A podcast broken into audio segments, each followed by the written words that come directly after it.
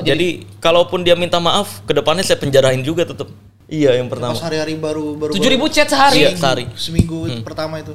Alif lam mim. Zalikal kitabul la raiba fi. Honor termahalnya Marcel berapa sekarang? Waduh. Aduh. Ini mau ada manajernya kita tanya langsung ya. Bongkar honor Marcel.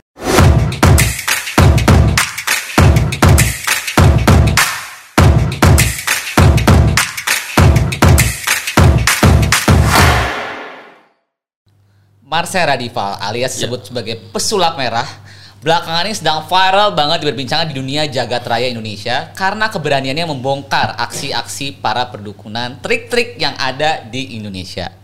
Dan karena keberaniannya seorang Marcel, kini Marcel juga dilaporkan oleh Asosiasi Dukun Indonesia sampai sekarang masih di eh, laporannya di Polda Metro Jaya.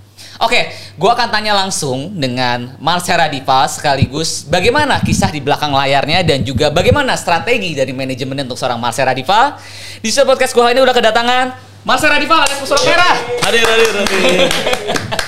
Thank you banget loh, Sel. Oke. Lu iya, padat iya. banget jadwalnya tapi menyempatkan diri buat mampir di podcast Iya, Gua iya, gua. betul betul. Happy Iya. birthday. Happy birthday. Masih aja.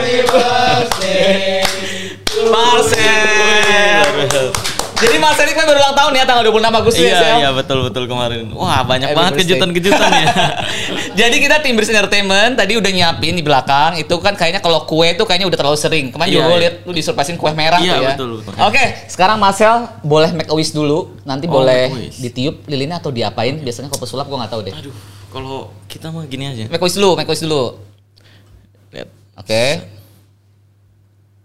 Ini. Hup, Tuh. Lu nggak panas ya? Hah? Nggak sakti. Sakti loh, ini beneran loh. Kebal ya? Iya, Kebal loh. betul. Kenapa nggak ditiup sih, Sel? Enggak, karena kalau kalau di agama gue nih, Hmm. kalau di agama setahu saya ya, eh, itu nggak boleh. Oh, nggak boleh. Iya, kalau da- kalau dilihat dari sisi medisnya, kalau ditaruh di kue kan, Hmm. kan biasanya ditaruh di kue terus ditiup. Kalau di, dilihat dari sisi medisnya sih, itu meniupkan karbon dioksida ke eh, makanan. Jadi Oh. membuat makanan jadi kurang baik lah. Oh, ini pengetahuan yang luar biasa banget dari Marcel ya, edukasi lagi nih. Iya, iya. Emang dia suka membongkar edukasi. Oke, Sel, eh, sok mangga cobain. Boleh boleh. Lu yang cobain. mana nih, ungu atau yang putih nih? Lu yang ungu, saya warna gue beli kan. Gue yang warna ini yang putih Kita yang coba. leci. Oke, Mana? eh, Van Boleh tolong itu sendoknya? sendok. Eh, lu pakai sendok, gue pakai sedotan ya. Oke. Soalnya ini lembut banget, jadi bisa Ya. pakai sedotan. Sip sip sip. Tuh ya kan? Lah. Aduh. Kok bengkok Sel? Ya kan baru dipegang doang udah bengkok. Berarti kan lemah banget nih ya. Ini perlu kayaknya perlu tisu nih biar kuat nih ya. Mantap, tisu. iya. Oke. Biar baal. Aduh nih kita lurusin dulu nih ya. Oke. Nih, gini. Bentar bentar nih. Wih, sakti beneran, pesulap beneran loh ini. Udah pakai tisu tuh ya? Udah udah. Udah pakai tisu, oke. Jadi lurus lagi dia. Tisu apa? Ya tisu makan lah. tisu makan dong. Oke, Biar Sel. bersih. Coba bongkar rahasia puding buatan kita anak Beris Entertainment. Oke, ini kita cobain nih ya. Iya.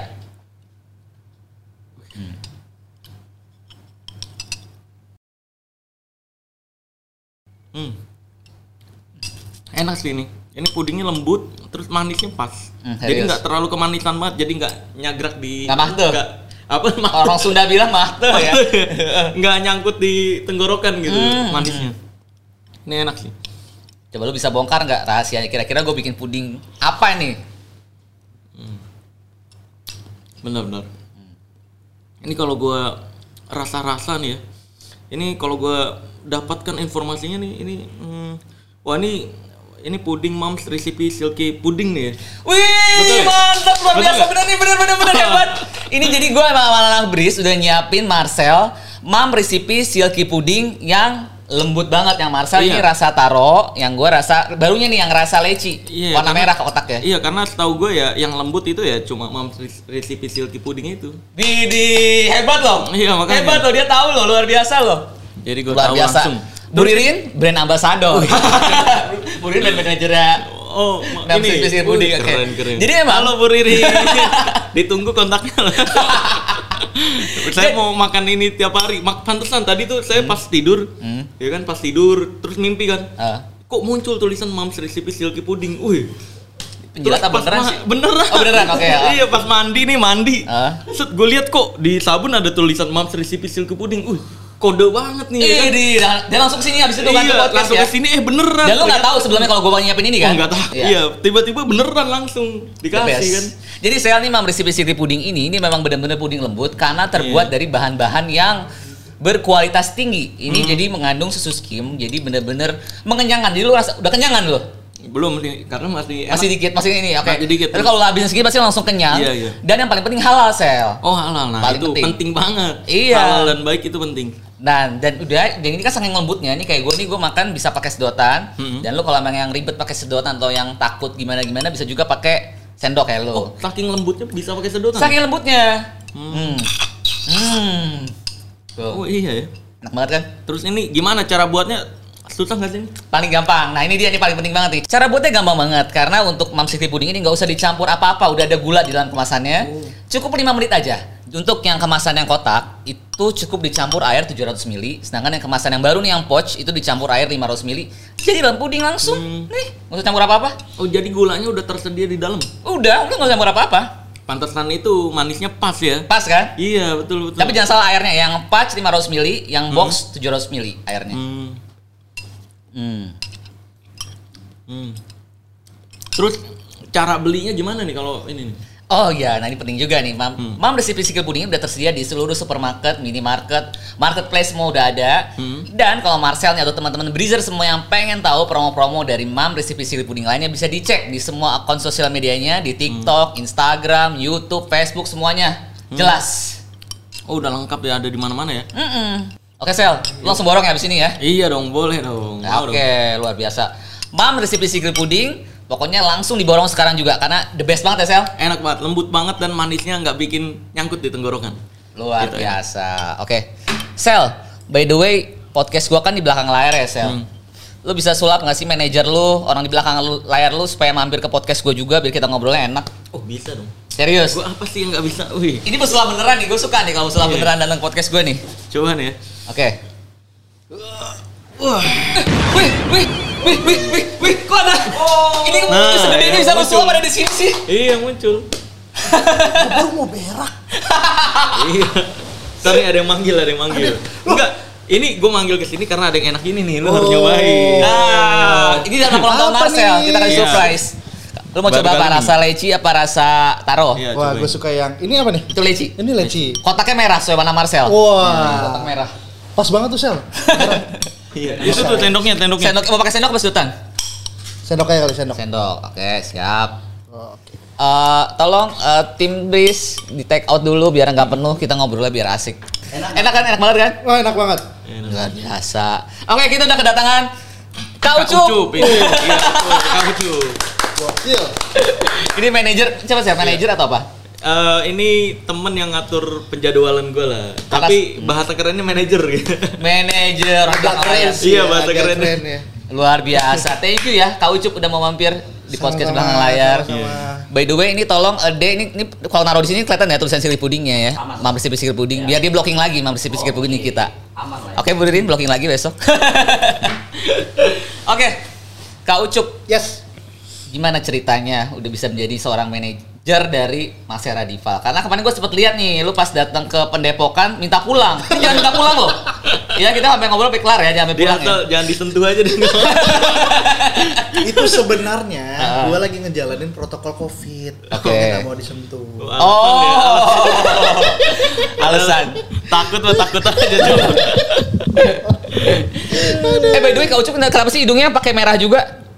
Kenapa? Iya itu hidungnya kenapa pakai merah begitu juga? eh ini sebenarnya karena identitas asli gue adalah seorang badut. Oh, oke. Yes, jadi memang pekerjaan asli gue adalah seorang badut dan ya eh, dan kemarin itu kita entah kenapa pada saat Marcel naik itu tiba-tiba anime favorit gue naik juga Oh, oke. One Piece makanya kok jadi wah kok keren banget nih nggak nggak nyangka persahabatan gue sama Marcel seakan-akan ada di dalam anime tersebut Oke. Seks dan bahagia dan itu real nyata kalau gue beneran badut Iya, eh, lu emang lu performa Beneran, badut memang beneran? beneran performer profesional badut. badut, Oke. Bukan badut yang di lampu merah dia, bukan, tapi Bukan. beda dong beneran Badut badut profesional. beneran beneran badut Oke, MC juga ya setahu gue ya. Eh, enggak sih, cuman ke arah sulapnya. Hmm. Ya kadang-kadang juga bisa MC buat anak-anak doang tapi. Oke, berarti seru nih kita ngobrol bakal lebih nyambung ya ntar ya. Oke, terus kenapa akhirnya menjadi manajer seorang Marcel Radival alias pesulap merah? Sebenarnya ini ngalir aja. Ngalir aja, iya, bener. Sebenarnya memang kalau dari dulu memang temenan Hmm. sama Marcel kan satu komunitas bahkan dari awal terbentuknya YouTube-nya Marcel pun juga barengan. Hmm. Iya, iya. bahkan betul. di video pertama kalinya Marcel pun juga sudah ada Barengan saya ya? bareng ada Hmm. dulu bahkan pertama niatnya pas mau bikin konten YouTube juga dulu bareng Hmm. ada cuman memang karena kita jarak yang jauh ya dari dulu sama-sama gembel Hmm. bahkan dulu kita job yang penting dapat makan ya Sel Iya, yang penting yang dapat penting makan. dikasih makan di situ dia ada job dapatnya makanan kita jalan Iya. Oke. Walaupun gak jauh, dibayar. iya Iya. walau nggak dibayar yang penting dapat makan Tahun berapa itu? Tahun waduh, tahun berapa? 2010 Tiga- kali ya? 10 11 13 ya? 12 atau enggak 13 lah Sel Oke. Dua iya 12. pas baru lulus sekolah, sekolah kan SMA Oke. Iya iya iya. itu iya. itu tahun-tahun segitu lah lama-lama terus eh, karena jarak kita jauh rumahnya jauh juga akhirnya kita punya jalan masing-masing. Marcel meneruskan dunia sulapnya saya tadinya kan tertarik dunia sulap juga cuman eh, entah kenapa eh, nggak dapat feelnya. Terus main ke anak ulang tahun dan ngelihat badut dari situ mulai belajar badut dan tertarik sejarahnya cara bermakeup cara berpakaian segala macamnya tuh tertarik banget sama dunia badut mulai belajarlah uh, tentang dunia badut jadi kita udah jalan jauh banget Iya. cuman gara-gara pandemi pada apa Kontak-kontakan lagi ya. kontak-kontakan lagi ya ya pandemi kan saya juga nggak ada kerjaan karena memang kosong kontak-kontakan lagi sama Marcel ketemu-ketemu lagi tadinya cuma ketemu-ketemu biasa aja Iya benar. dari situ Eh tapi yang pembuktian pertama tuh itu pandemi belum? pandemi men Pandemi ya? pandemi Udah pandemi ya? pandemi, pandemi. pembuktian dari pembukti, semua pembuktian kan ada gue juga Iya. cuman pada saat itu memang pandemi semua Oke. 2019.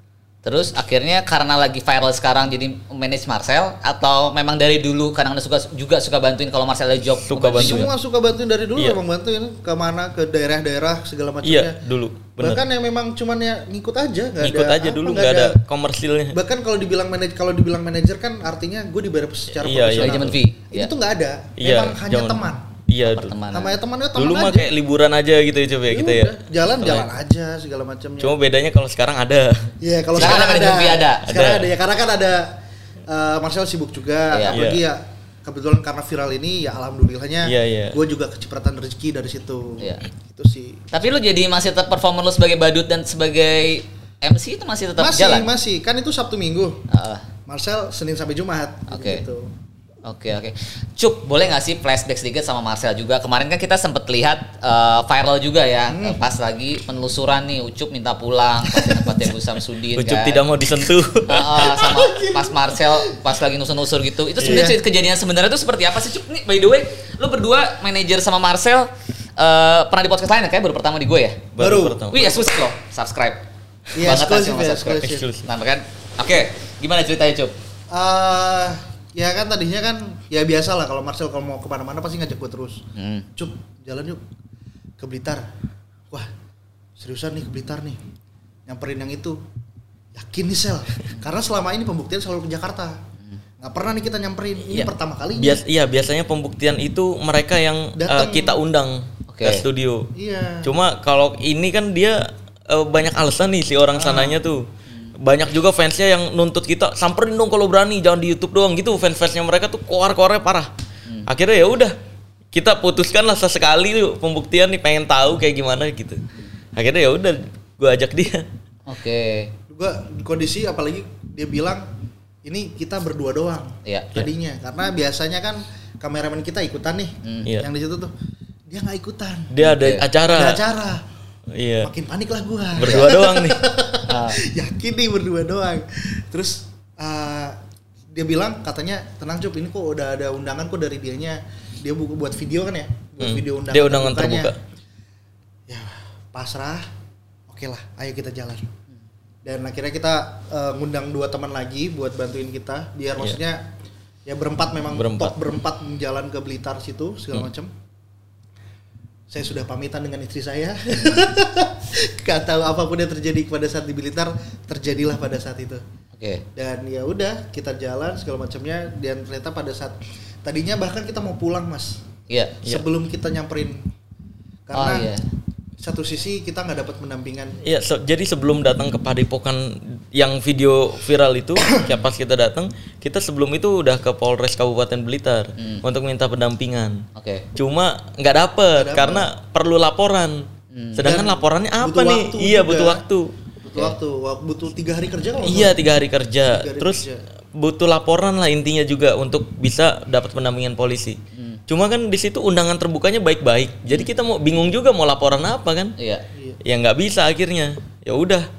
Tadinya mau pulang. Udah tadinya. mau pulang udah karena Karena tiket- memang malam itu juga pulangnya Tiket iya, tiket kereta itu udah dipesan di tanggal besoknya. Oke. Iya betul. ya udah terus gimana ya udahlah kita eh, extend satu hari Iya. berembuk lagi Itu duit lagi. keluar gede banget Keluar itu. lumayan kan Oke. Kayak mundurin tik jadwal tiket kereta. Iya. Hotel juga dimundurin jadinya. nambah waktu nambah, Nambah hari. waktu, nambah waktu iya. cuman ya udah pada saat itu udahlah sel kita udah di Blitar Udah keluar duit banyak juga, banyak segala macamnya Iya. udahlah apa pun yang terjadi terjadilah ya udah kejadian lah seperti itu Iya. Tapi terus Ucup minta mau pulang karena masnya mau dipukul ya? Bener satu nggak? Apa sisi gimana? iya pertama adalah Marcel kan dipukul Ya itu aneh. Kita yang gue yang dipukul, tangan gue yang diamanin kan Iya. aneh banget. Ah. gue Itu yang korban nih. Kades ada kades di situ. Gue kan yang di- berusaha dipukul. Ha- Secara warasnya ya logika. Harusnya kan yang diamanin yang memukul ya. Iya. Ini gue yang diamanin.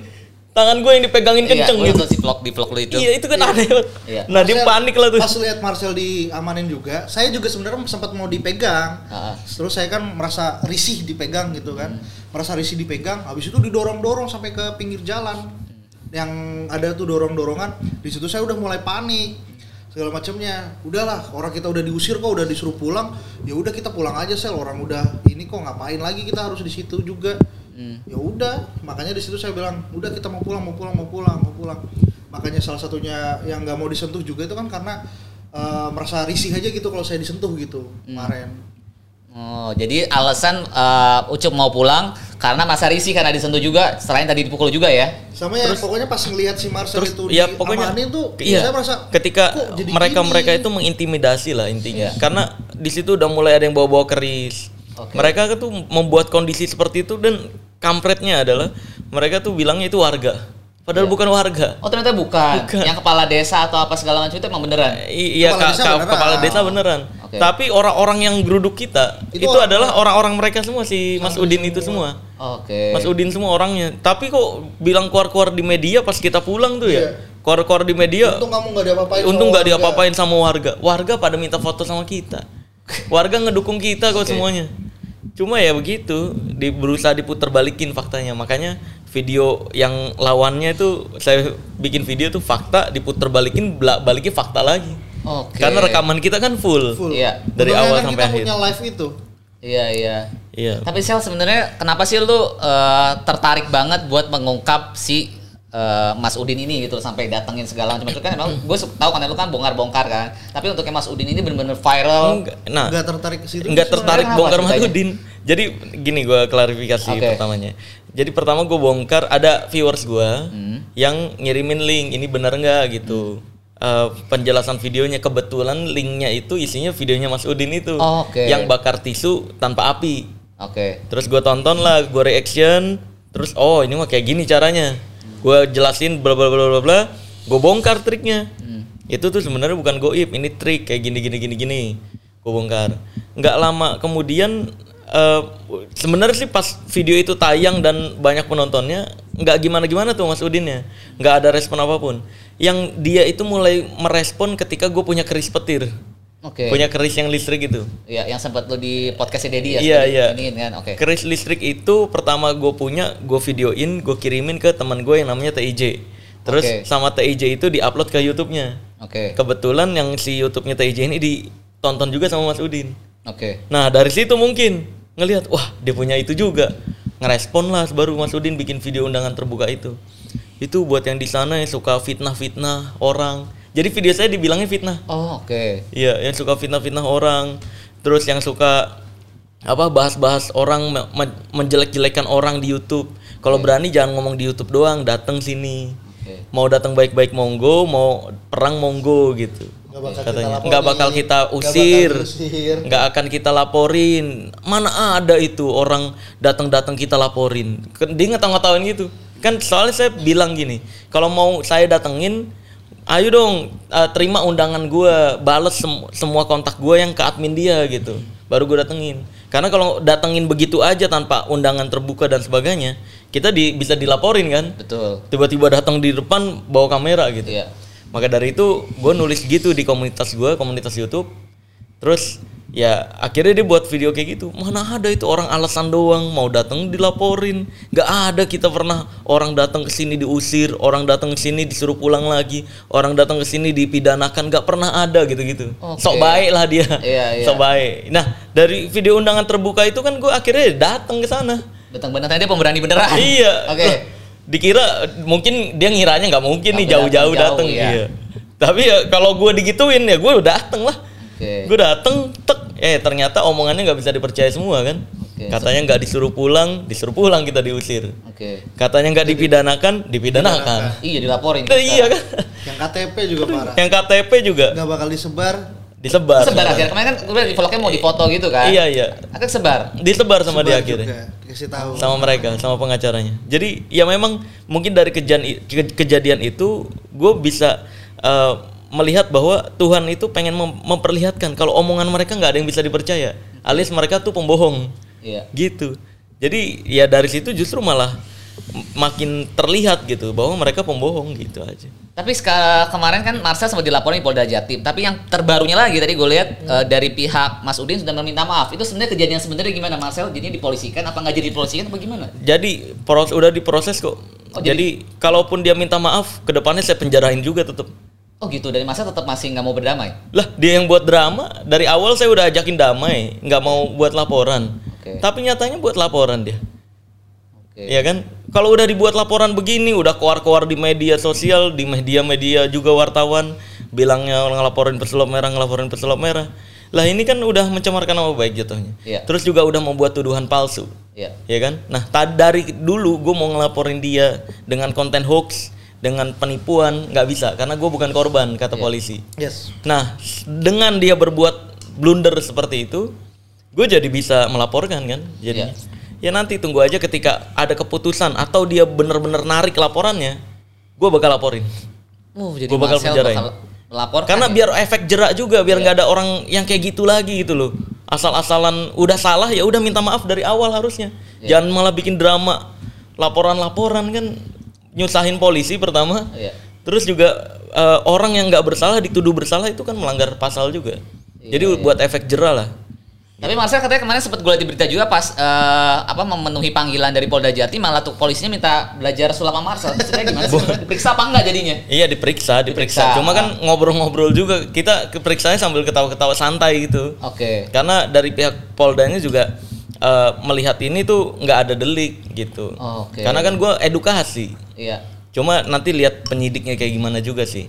Iya. Kalau dari yang memeriksa gue ngelihatnya ini sih kayaknya nggak ada deliknya. Karena kan Marcel kan tujuannya edukasi yang dibahas triknya bukan orangnya kan. Kayak tadi lu ngasih edukasi gue nggak boleh tiup lilin gitu. iya iya kayak gitu kan. Itu kan bukan bukan men- menjelekkan satu kepercayaan Iya, bukan. iya. Tapi gue menceritakan dari apa yang gue percayai gitu kan. Iya, setuju sih. Nah iya kayak gitu. Jadi Oke. bagi Poldanya juga soalnya eh, pihak sana ketika diwawancara atau di si di apa ya dimintai keterangan gitu itu pas dimintain bukti banyak banget ngelesnya gitu. Oke. Jadi kan pihak Poldanya juga sebelum buat laporan sebelum dia buat laporan nyaraninnya gitu pembuktian aja ngapain laporan-laporan. Iya sih. Tapi dia tetap laporan mau. Oke. Ya udah, kita lihat aja ke depannya. Mau pokoknya dia mau minta maaf, gue terima minta maafnya, tapi proses hukumnya tetap berlanjut. Tapi minta maaf secara personal hubungin Marcel atau ngehubungin Kak Ucup pernah nggak pihak Nggak ada. Nggak ada. Dari Kak Ucup atau Marcel ngehubungin ke pihaknya Pernah. Mas Udin? Yang pas dia bikin drama nyari pesulap merah itu, Pas di Jakarta. pas di oh, Jakarta. aku ngeliat di TikTok tuh lagi nyari di hotel jalan-jalan sepanjang jalan itu ya? Iya, lah itu kok nyari di hotel. nomor nomor kan punya. Langsung gue telepon teleponin nggak diangkat-angkat Ah. itu pas di Jakarta. Oke. Gue pengen ayo lah ketemu ketemu lah. Ini kan kayak lu di sini nih bang. Hmm. Terus gue nyarinya di sini. Mana nih? Mana nih? Nggak ada nih nggak ada gitu. Kan lu di sini. Iya iya iya. Iya aneh banget. Itu orang bikin drama-drama begitu. Tapi lucu sih kemarin itu kan sempat viral juga di FYP TikTok kan? Ya memang tujuan mungkin tujuan dia untuk subscribers dan untuk viewers mungkin ya. Kalau gua kan tujuannya ed- untuk edukasi beda. Iya, Kalau iya. untuk edukasi kan gua kayak gua nih ketika dia nggak mau pembuktian ya gue bahas yang lain sekarang udah bahas yang lain kan Iya. udah bahas video-video lain tapi kalau dia kan wuh langsung tetep di- dijadiin drama lah pencarian Iya. lah apalah apalah Tapi gue perhatiin eh, subscribernya Marcel di YouTube naik pesat loh. Naik tadinya kalau nggak salah sejutaan subscriber Iya. udah mau tiga berapa? udah mau 3 juta Mau tiga juta ya? Iya. Orang kemarin tuh pas seminggu setelah kejadian langsung naik sejuta ya. iya Luar biasa loh. jadi mungkin alhamdulillah banyak masyarakat Indonesia yang mulai waras ya Iya, jadi Hmm. ya sebenarnya oh, ini mungkin dari pihaknya Kak Ucup atau pihak dari Marcel sebenarnya percaya nggak sih sama yang namanya santet apa? Sebenarnya ada nggak sih menurut kalian atau keluarga kalian ada pernah nggak sih yang kena santet? ucup dulu Nggak ada sih kalau misalkan kalau dibilang keluarga kena santet. Hmm. Cuman kalau dari pihak keluarga saya korban dukun iya, Oke. korban dukun. ditipu dukun ya Yes, ditipu dukun sampai Suruh wah, bayar. sampai banyak lah gitu. itu a- salah satu alasan ucup mau ngebantuin gue awal dia. Oh, Karena memang- karena dia punya Iya, dendam keluarga. tersendiri Iya jadi keluarga jadi kan saya sama diangkat anak tuh bapak angkat saya itu dulu percaya banget sama masalah dukun itu. Sampai yang eh, ibu angkat saya pun juga nggak tahu kalau dia itu main dukun segala macamnya. Oke. itu yang bikin saya gregetan gitu sama kok ini kayak gini? Apalagi ketika sudah belajar sulap dan tahu tentang trik-triknya kok jadi gimana? gitu. Hmm. itu sih kalau dari saya makanya pas Marcel buat ngebahas dukun ya udah yuk gue bantu. Tapi teman-temannya pernah itu pernah ada yang kena santet nggak sih? Itu pernah sebenarnya ada nggak sih santet? Sebenarnya santet itu sebenarnya ada apa enggak? nah Menurut kacamata Kak Ucup sama Marcel? kalau misalkan dibilang santet itu ada atau tidak biasanya rata-rata kan yang paling sering yang paling menakutkan adalah metode racun iya Iya. versi metode racun kalau bah- Sorry, monitor racun itu maksudnya disuruh minum gitu. enggak diracun, diracun orang. diracunin Oh, racun dari jarak jauh. iya Yes. Oke. jadi kan santet itu katanya ada membunuh tanpa menyentuh kan Hmm. Itu racun maksudnya. Oh, oke, oke. jadi kayak misalnya gue mau ngebunuh lu nih Nah. ya udah gue tinggal nyari tahu. Biasanya kan kalau mau nyantet orang dikasih lihat fotonya mana namanya tinggal di mana gitu kan. Ya udah gue tinggal bayar orang untuk pura-pura nyari eh buat nyari tahu info tentang lu gitu. Biasa makan di mana dan sebagainya. Ya udah ketika tahu biasa makan di mana gue tinggal bayar orang untuk pura-pura jadi temen lu.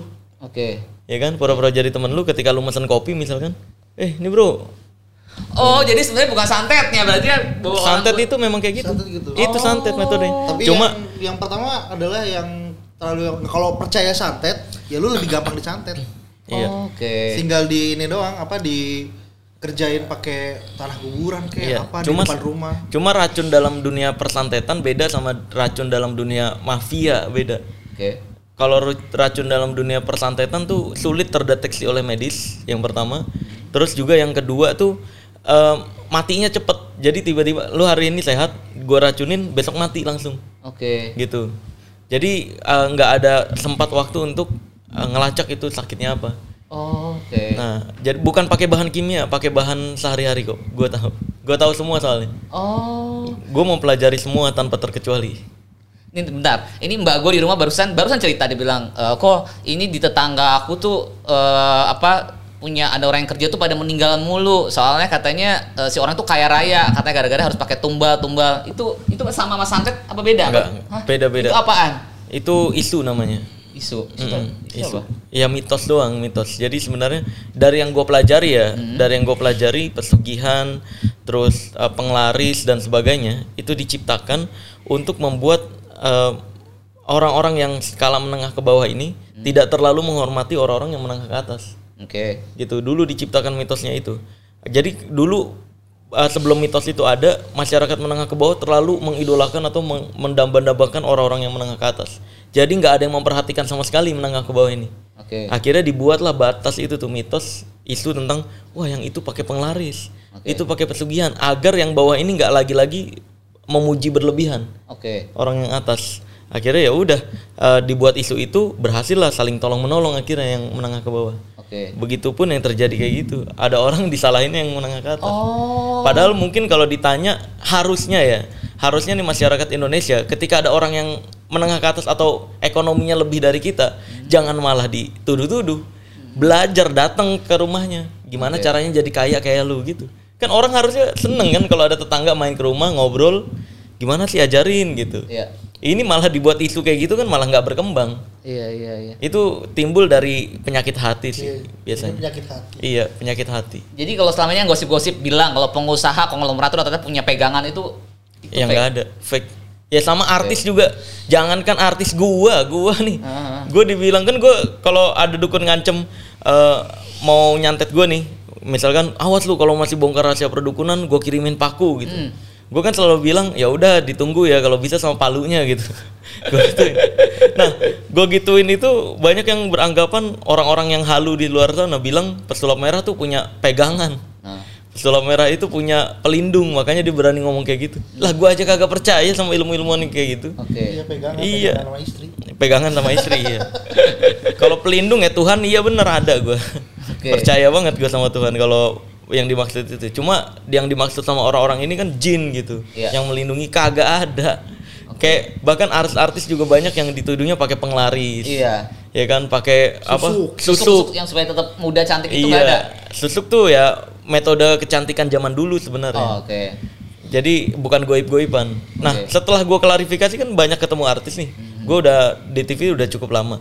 Gua tanya-tanyain nggak ada, bahkan banyak dari mereka yang nggak percaya. Oke. Mungkin kalau artis-artis yang baru itu mungkin banyak yang jadi korban dukun.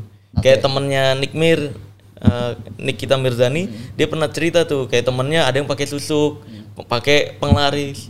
Terus gue tanya, terus karirnya gimana sekarang? Ya anjlok, Oke. nggak ngefek, Iya. nggak ngefek. Jadi sebenarnya kuncinya mau sukses mau mau apa pun tetap percaya sama Tuhan aja ya. Enggak kalau penglaris ada nih ya, kalau penglaris ada, seharusnya eh, ada orang yang jualan cilok dengan harga satu juta.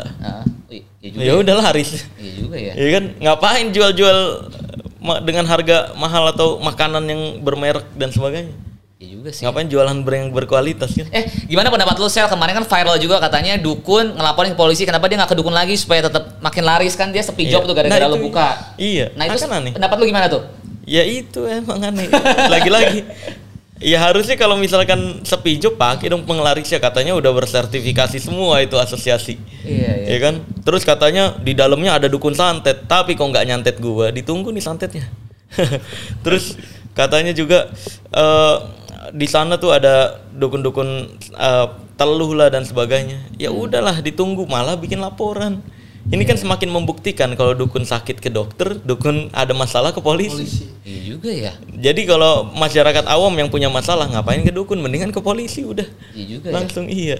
Tapi Sel lu gak ada takut-takutnya serius? Maksudnya lu gak takut bener apa sih misalnya kayak lu keluarga Oke lu gak takut kayak keluarga lu digangguin orang, diancem Atau mungkin Ucup dapet Whatsapp yang orang neror Iya, lu. Coba ada Gimana nggak? coba Coba, ceritanya? coba Pasti kan Soalnya sempet gue lihat tuh status lu katanya Ini ya manajer gue sampai 3000 miss call atau apalah oh, itu admin iya. Admin kan dia kan? Kalau Ucup bukan? Ta- enggak, Tadinya- ta- tadinya kalau nggak adik gua, istri gua, terus dia juga kadang-kadang bacain. Iya itu gimana tuh ceritanya lu? Cuma nggak ada yang kuat belakangan ini nih baca-bacain. Karena isiannya tuh bukan bukan hate ya, tapi banyak orang yang Halo. kayak halo, Assalamualaikum." Kak Marcel, assalamualaikum. Pe. Mau ngajak Marcel makan nih, mau ngajak Marcel ngopi.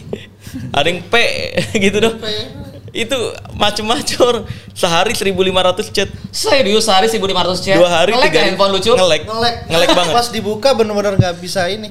Iya, makanya kita nyampe ganti ya, Iya. ganti nomor baru tuh. Ganti nomor baru jadinya. Dan kita nggak taruh di bio Instagram dan YouTube karena bahaya nanti kayak gitu lagi. Semenjak viral sekarang? Iya. Kalau dulu-dulu gak sampai Nggak kan? nyampe. Nggak. Paling sehari 100, Oke. sehari 50 doang gitu. Malah yang pertama-tama 7000 kan. Iya yang pertama. Pas hari-hari baru baru 7000 chat sehari? Iya, sehari. Seminggu pertama itu.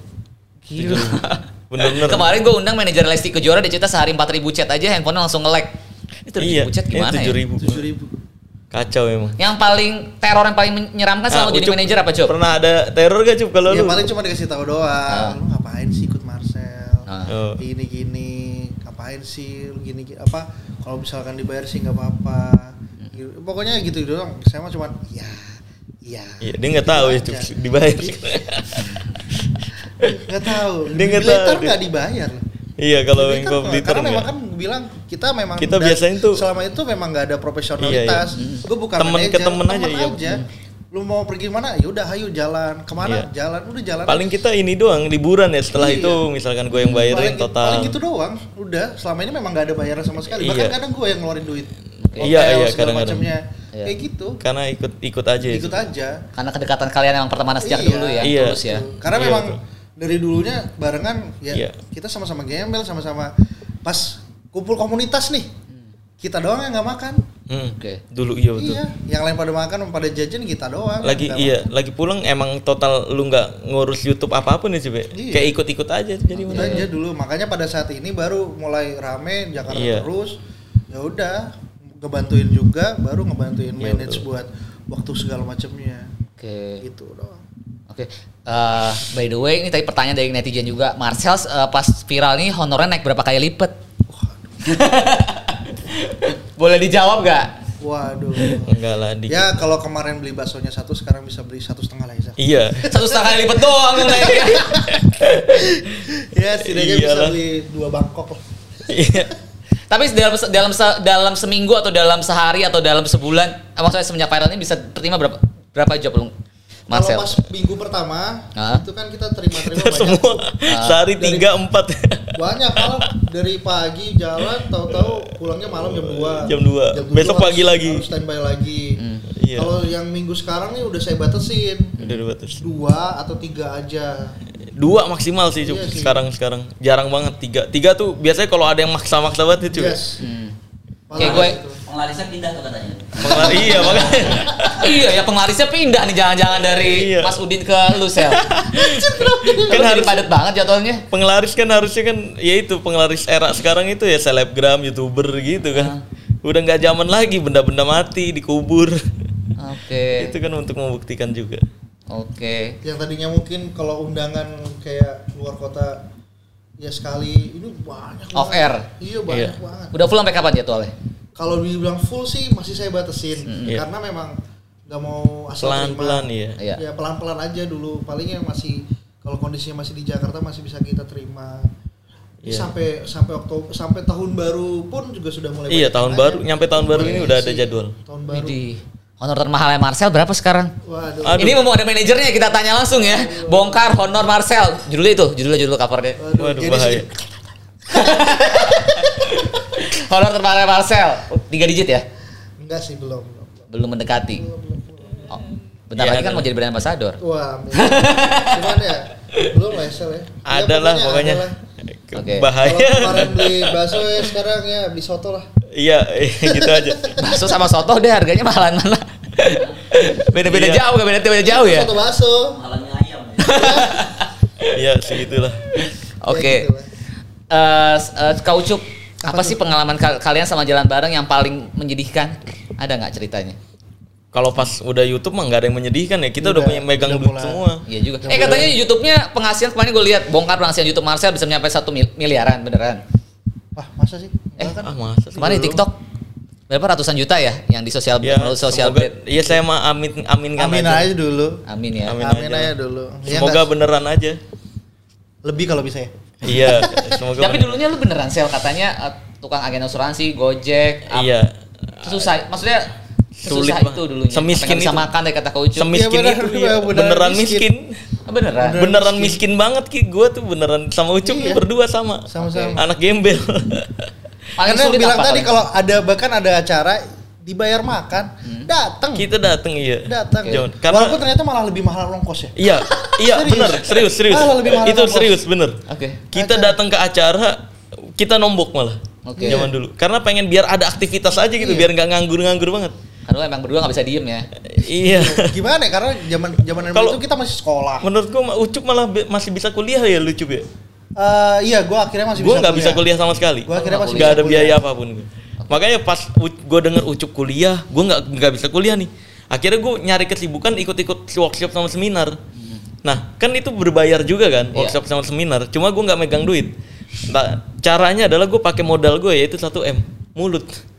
Jadi gue telepon adminnya gue nawarin diri untuk jadi kru gratis.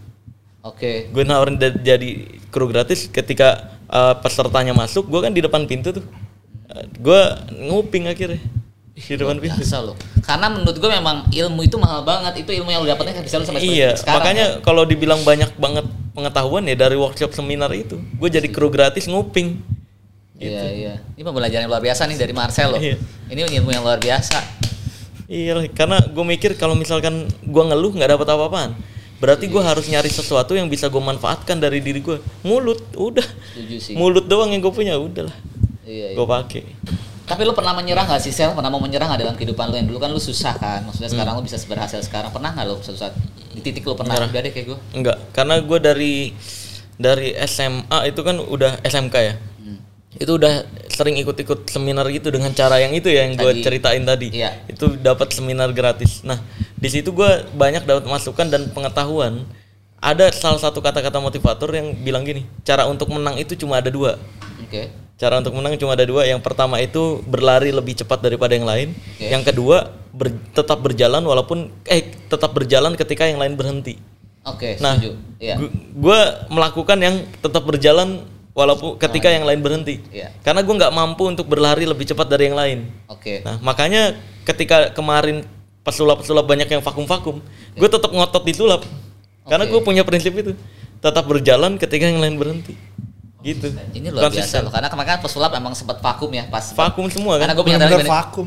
Nggak ada, semua komunitas nggak ada yang ngumpul-ngumpul Iya, lagi. Karena talent gue di manajemen kemudian Dini Darko kan di gue juga Iya. kan. Jadi emang kemarin sempat makanya dia kayak beralih menjadi pelukis pasir. Iya, iya. Jadi ini juga. Tapi Marcel bisa tetap konsisten menjadi seorang pesulap Iya, sekarang. di YouTube tetap bahas sulap ya.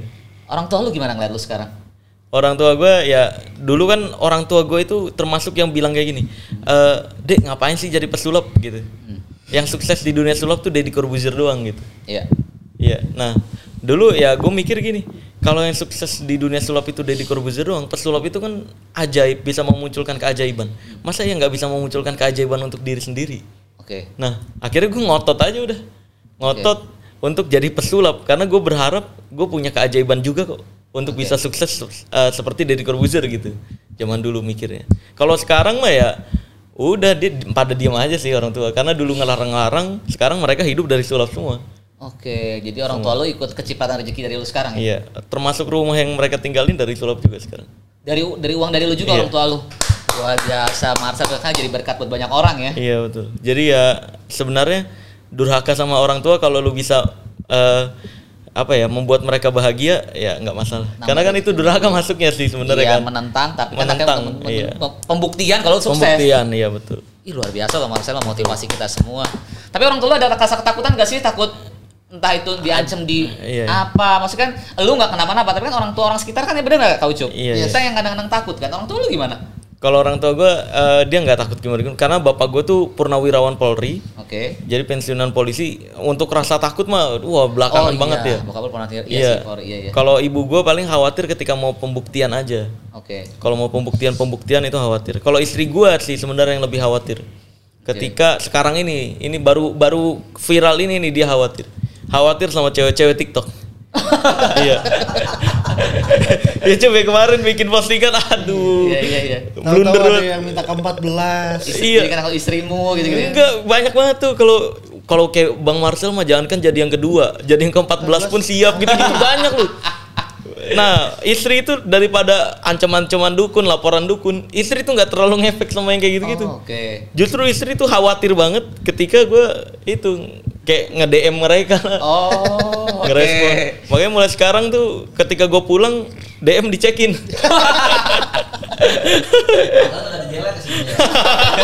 Waduh. Dia dia Bukan gua. Dibongkar rumah tangga. Waduh. Marcel kakaknya eh, ustadz ya Ustad, Ustad. Abang Masa Ustad. em, ngajinya juga bagus. Boleh nggak dicoba Marcel ngaji di podcast kita? Wah, boleh, boleh. Oke, kita mulai ada, ngaji. tapi ada Al-Quran nggak sini? Alfan, Fan, Arfan, Fan. Ada nggak? Ada. Nah, Ayat. kita, soalnya eh, ini kita lihat sisi ngajinya Marcel kemarin kan kemarin kan Mas Udin salah ya ngajinya viral ya. Ya, Salah itu gue juga. Apa itu? Ayat-ayat Wah. yang dibacakan salah dengan artinya. Oh, oke. Arti yang, di- yang diucapkan itu bukan ayat yang dia maksud gitu. Karena Far- Marcel kemarin aja. sempat viral juga pakai sorban tuh ya. 10 ya. Iya, Bacain aja ayat yang kemarin yang sama ya? itu. Eh. Ini ini aja nih ya, yang Oke. bagian depan aja ya. Oke, kita dengar Marcel pesulap merah. Ini ini eh, apa surat yang paling gue suka sih dari awal dulu belajar agama juga. Karena di depan di depan ini, di depan surat gitu. Oke. Membuka setelah Al-Fatihah. Nih. A'udzu billahi minasyaitonir rajim. Bismillahirrahmanirrahim. Alif lam mim. Zalikal kitabu la raiba fih.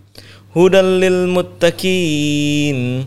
الذين يؤمنون بالغيب ويقيمون الصلاة ومما رزقناهم ينفقون والذين يؤمنون بما أنزل إليك وما أنزل من قبلك وبالآخرة هم يوقنون أولئك على هدى من ربهم وأولئك هم المفلحون.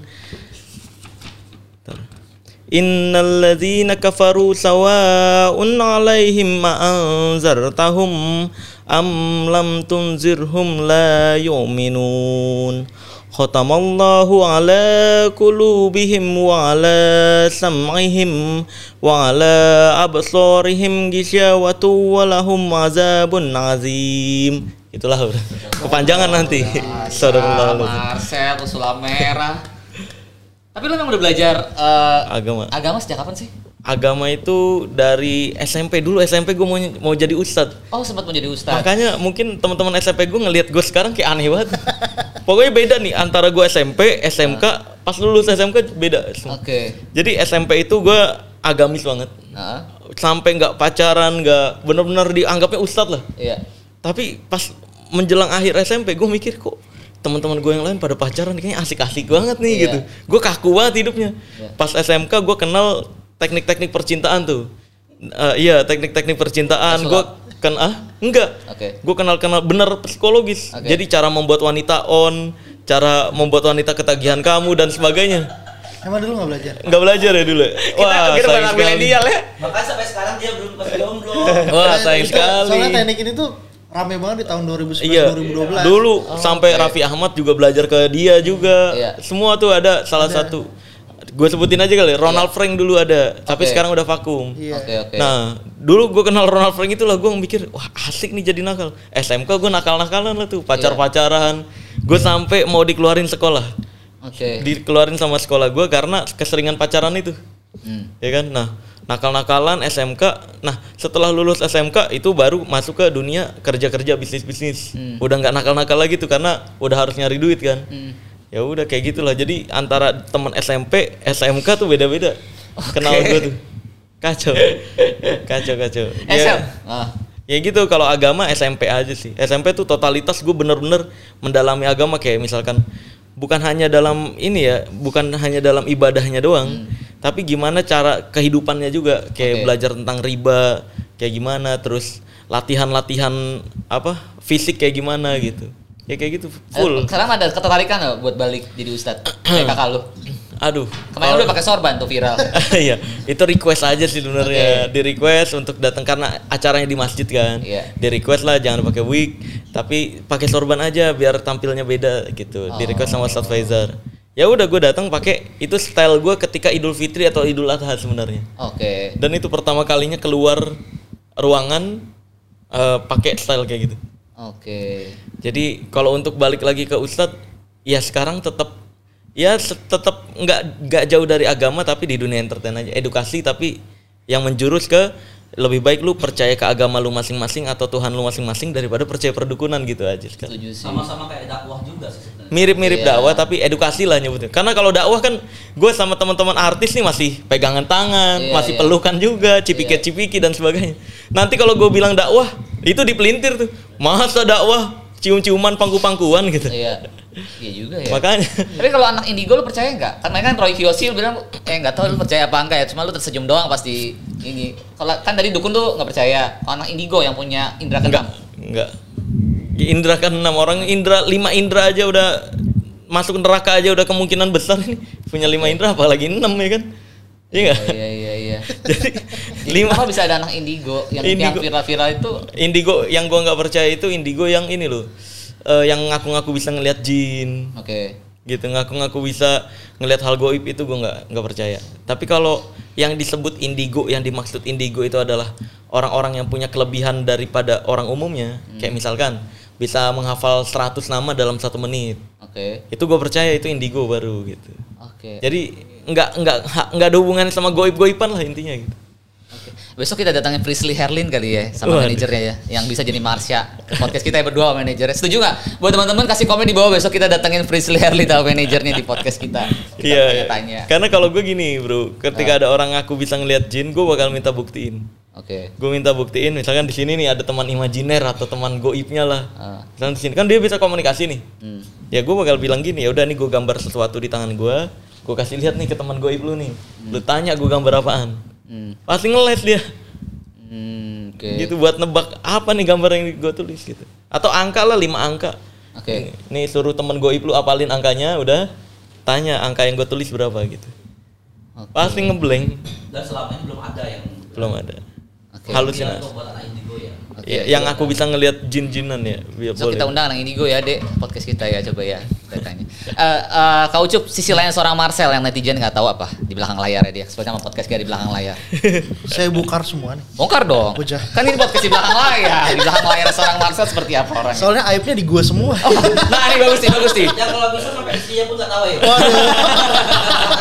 Ayo, ayo, ayo, ayo. bahaya. Ntar gua yang digorok istrinya. Ya lah, ya kalau misalkan sisi lainnya ya itu obrolan kita doang berdua aja. Oke. Hanya keep kami berdua aja yang tahu. Oke. Doang sih. Ya kita bagus-bagusin aja. yang bagusnya eh Naikkan gaji.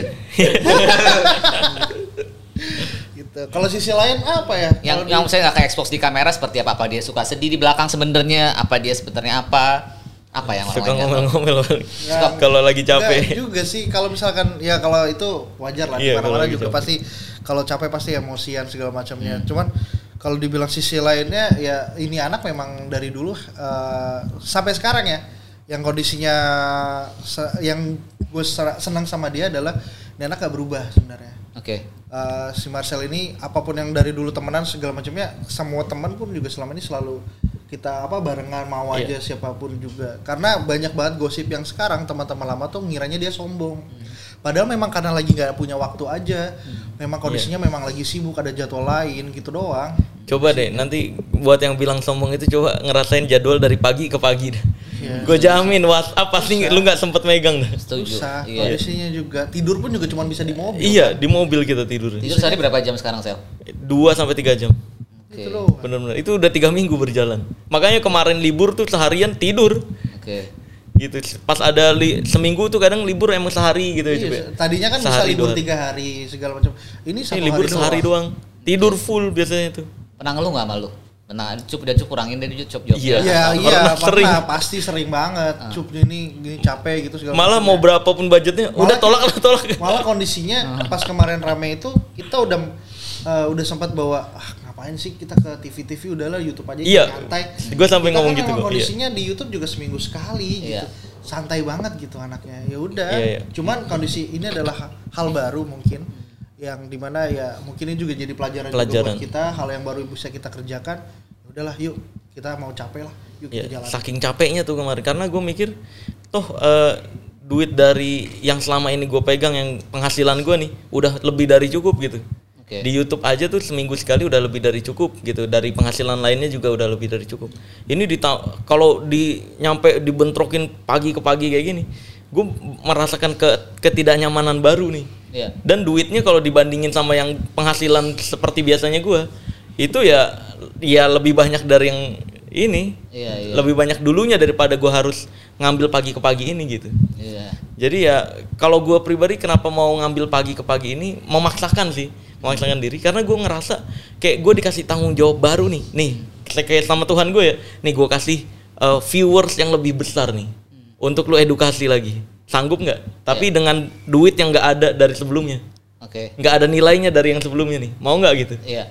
Ya jadi gue malah kayak ngerasa dites atau diuji kayak gitu. Makanya ya udah gue ambil aja lah gitu oke sebenarnya kalau mau nolak nolak banget gue bisa bisa banget udah bisa gini ini aja beberapa kita tolak bukan kita Iya. tolak lagi sih karena memang lagi ngebatasin aja iya dulu. ngebatasin Iya. karena Karena saking kan- capek banget kacau bener-bener baru kelar jam 2 pagi baru kelar jam 3 pagi terus jam 7 harus standby lagi itu yang Hmm. Iya. kemarin waduh gila hal-hal yang baru banget Iya. apalagi Iya, memang bener. kondisinya kita tuh anak yang apa ya emang agak malesan buat eh, keramaian segala macam ya Hmm. memang sering kerja sendiri doang maunya Iya. di rumah aja di ya rumah terus memang saat apa memang ya seminggu sekali gitu bener. seminggu aja sekali iya betul betul Oke. iya, Iya. event gitu Tapi dari kejadian ini kalau ada yang bilang gue sombong karena banyak karena kerjaan dan kesibukan ini ada yang bilang gue sombong, berarti di era sekarang untuk dapat cap sombong tuh gampang banget. Nggak perlu ngaku ke Tuhan kayak Firaun ya. ya kan? Karena Firaun tuh kalau mau dicap sombong dulu kan harus ngaku Tuhan dulu. Iya. Ya kan? Iya, harus iya. punya pengikut dulu banyak. Setuju. Lah berarti kalau sekarang punya banyak kerjaan nggak sempet balas balas WhatsApp Sombong. tuh sombong langsung. Iya. Wah keren banget. Lagi kan kondisi memang Marcel sampai nggak pegang handphone sama sekali. Iya, gue nggak. Kastanya sama kayak Fir'aun. ya. Iya, jadi Coba netizen coba ya. Jadi eh, kalau misalnya emang Marcel orang, orang sekitar kita nggak balas WhatsApp atau emang lagi padat, emang karena lagi padat bukan berarti kita sombong Iya, ya. Apalagi komentar banyak tuh. Bang, kok inbox gue gue suka baca kan komentar inbox gue kok nggak dibales gitu. Pas gue live gitu kan kan banyak yang komentar. Kok inbox gue nggak dibales-bales? Jangankan lu bro, puluhan ribu orang yang inbox gue juga nggak dibales. Karena nggak sempet. Iya. itu iya, tadi kan juga lihat admin chat aja sampai segitunya Ah, iya. sebanyaknya. Admin chat itu 1500 chat per hari. Apalagi info- inbox Instagram. Iya. Waduh. Bahkan Kalau- yang nomor baru yang kita tidak kasih lihat pun Nah, banyak banyak. banget. itu bayangin, itu nggak tahu dapat dari mana ya? Iya di ya, tersebar bener. gitu aja tiba-tiba. Tersebar begitu aja ya. Nggak tahu juga. Siapa yang nyebarin? Ini emang berarti kayaknya eh, apa tadi apa ibaratnya kalau dukun apa pesugihannya pindah ke Marcel ya. apa Penglaris. Penglarisnya Penglaris. pindah nih kayaknya. Nah, satu lagi gue pengen tanya sih. Eh, boleh tanya. Ini masukin aja nanti yang ini. Nah, apa? Bang, lu Hipnotis itu jatuhnya ke goib bukan? bukan Psikologi dong. psikologi hipnotis Iya. itu masuknya ke psikologi karena dalam dunia hipnotis kita mempelajari tentang gelombang otak manusia Oke. jadi gelombang otak manusia itu ada beta, alpha, theta, delta yang dipelajari dalam dunia hipnotis ada lagi satu gamma sebenarnya cuma dalam dunia hipnotis nggak terlalu dipelajari jadi yang dipelajari beta, alpha, theta, delta nah dari beta ke alpha ini ada yang namanya critical area Oke. Nah, gimana dalam dunia hipnotis itu mempelajari gimana caranya critical area ini terbuka. Critical area itu pikiran kritis kita. Oke. Kayak misalkan nih, Bang. Misalkan eh, Bang, lu coba jilat-jilat sedotannya. Ah. Pas- Pasti pikiran lu kan ngapain gua jilat-jilat? Iya. Itu critical area. Oke. Dalam dunia hipnotis gimana caranya itu mati. Jadi ketika gua suruh-suruh lu, lu langsung ngikutin. mengikutin. Oke. Jadi mau pelajari Maksudnya mempelajari hipnotis juga. mempelajari gue punya sertifikasi juga CH Certificate Hipnotis. Jadi hipnotis itu udah legal di Indonesia ada. Oke. Bahkan ada sertifikasi legalnya. Salah satu asesornya yang gua tahu itu Ferdian. Ferdian. Ferdian ya. itu asesor atau pengetes orang yang mau le- legalitas ngurus legalitas hipnotis. Oh, edukasinya luar biasa, Iya, iya. Marcela Diva. Oke, sekarang kita mau lihat di belakang eh, bagaimana kekompakan antara Marcela Diva dan manajernya di konten versus kita di konten kita berikutnya. Seberapa kompak sih mereka? Kompak sih.